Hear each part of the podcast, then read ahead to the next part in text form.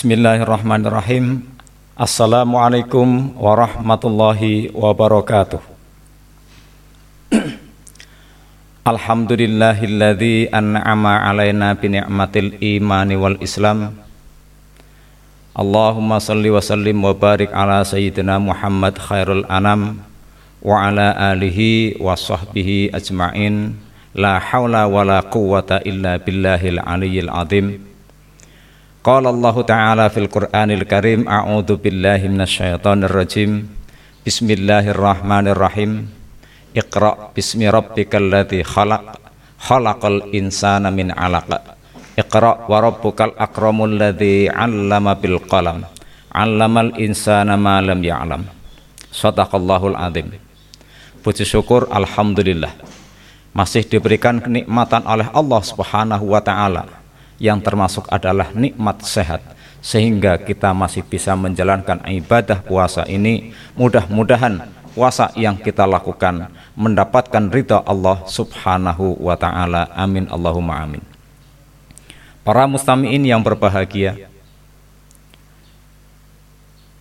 Nabi kita Muhammad sallallahu alaihi wasallam mempunyai tujuh putra atau putri.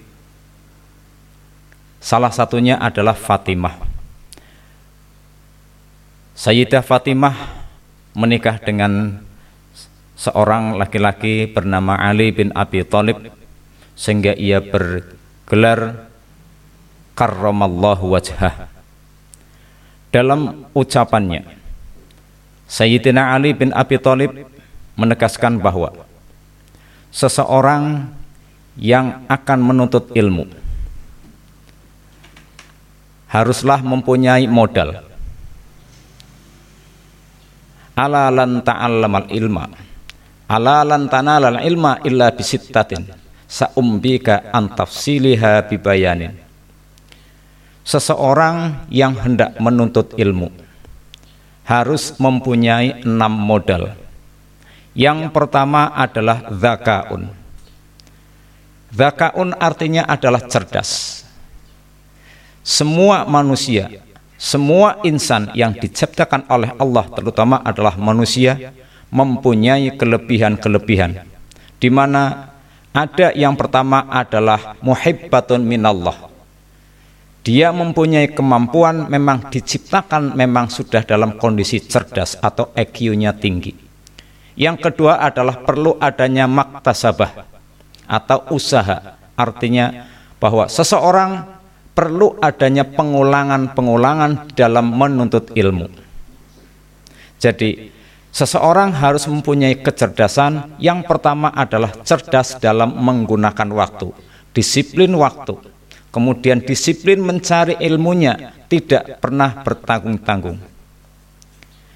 Yang kedua adalah khirsun. Khirsun dalam hal menuntut ilmu adalah modal yang nomor dua di samping kita mempunyai kecerdasan, juga kita harus mempunyai hersun. Hersun artinya adalah serakah atau kemampuan atau daya yang dimiliki oleh seseorang untuk terus pengen menuntut ilmu.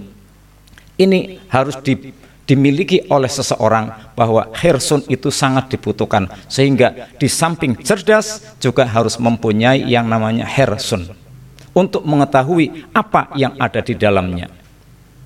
Yang ketiga adalah istitoah atau sabar. Sabar di dalam yang disampaikan oleh Sayyidina Ali bin Abi Thalib ini adalah perlu dimaknai bahwa sabar yang dimiliki oleh seorang yang menuntut ilmu adalah yang pertama sabar karena dia harus menekuni atau harus mengikuti yang namanya pola namanya proses. Ada kalanya dia mengalami kesusahan dalam menghafal ada alanya dia mengalami harus naik tingkat satu, kadang-kadang naik tingkat dua, atau mungkin kemudian tidak naik kelas. Itu harus dilakukan dengan hati yang sabar. Sabar terhadap cobaan, kok lama sekali dalam menghafal, lama sekali menerima pengetahuan. Ini perlu adanya kesabaran di dalam tubuh seseorang. Jadi yang pertama tadi adalah khirsun atau cerdas. Yang kedua, yang pertama adalah zakaun, maaf. Yang pertama adalah zakaun. Yang kedua adalah hersun dan yang ketiga adalah sabar. Lalu yang keempat, Di samping yang ketiga sudah dimiliki, sabar sudah. Ada kalanya yang sangat menyepelekan dalam diri kita adalah tentang dirham atau biaya. Semua yang ada selama kita masih ada di dunia untuk termasuk memperoleh ilmu, termasuk ingin mendapatkan makanan haruslah dengan yang namanya uang atau biaya biaya. Tidak cukup cukup seribu, cukup satu juta, cukup dua juta. Bahkan waktu zamannya Nabi kita Muhammad Sallallahu Alaihi Wasallam ada yang namanya adalah seorang yang menuntut ilmu itu adalah dengan menjual apa yang ada di dalam tubuh, ada yang apa yang dimiliki selama ini hanya untuk pergi ke suatu tempat dengan membutuhkan biaya yang sangat besar sekali. Jadi eh, dalam hal ini, dalam menuntut ilmu maka sangat diperlukan yang namanya biaya yang kelima adalah irsyadu ustadin. Perlu diketahui para mustamiin bahwa di samping cerdasan, di samping juga adalah rakusnya atau kemuan kita dalam menuntut ilmu, ada juga harus sabar. Juga dengan uang yang ke, yang kelima adalah tentang irsyadu ustadin.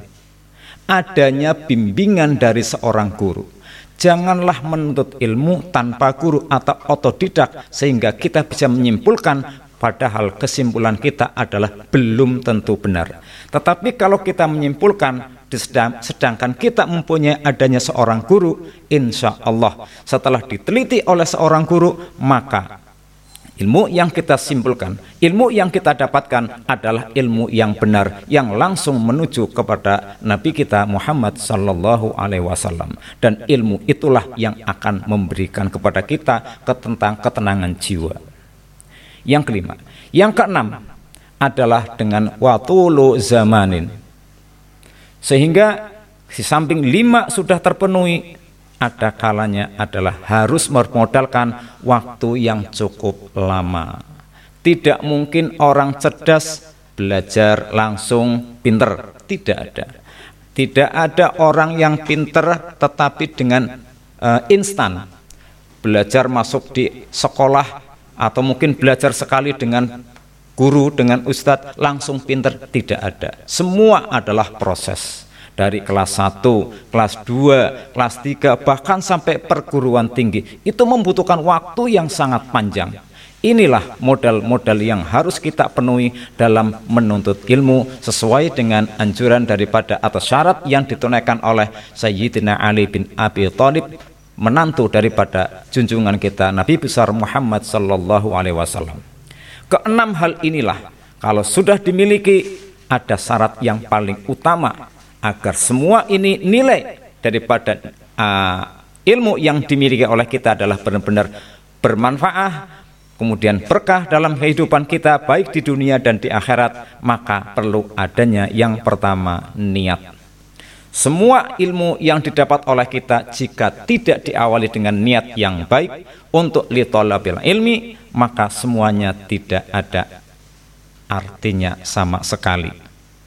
Yang pertama adalah niat yang kedua, kita tahu tentang tujuannya. Yang pertama adalah sesuai dengan firman Allah, yarfa'illahu alladhina amanu minkum walladhina utul ilma darajat. Allah akan mengangkat derajat seseorang karena dia mempunyai il ilmu.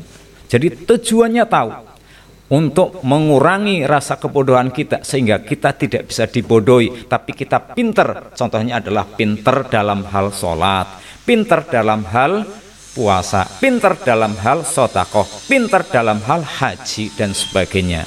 Jadi ini adalah modal-modal. Di samping niat juga tahu akan tujuannya.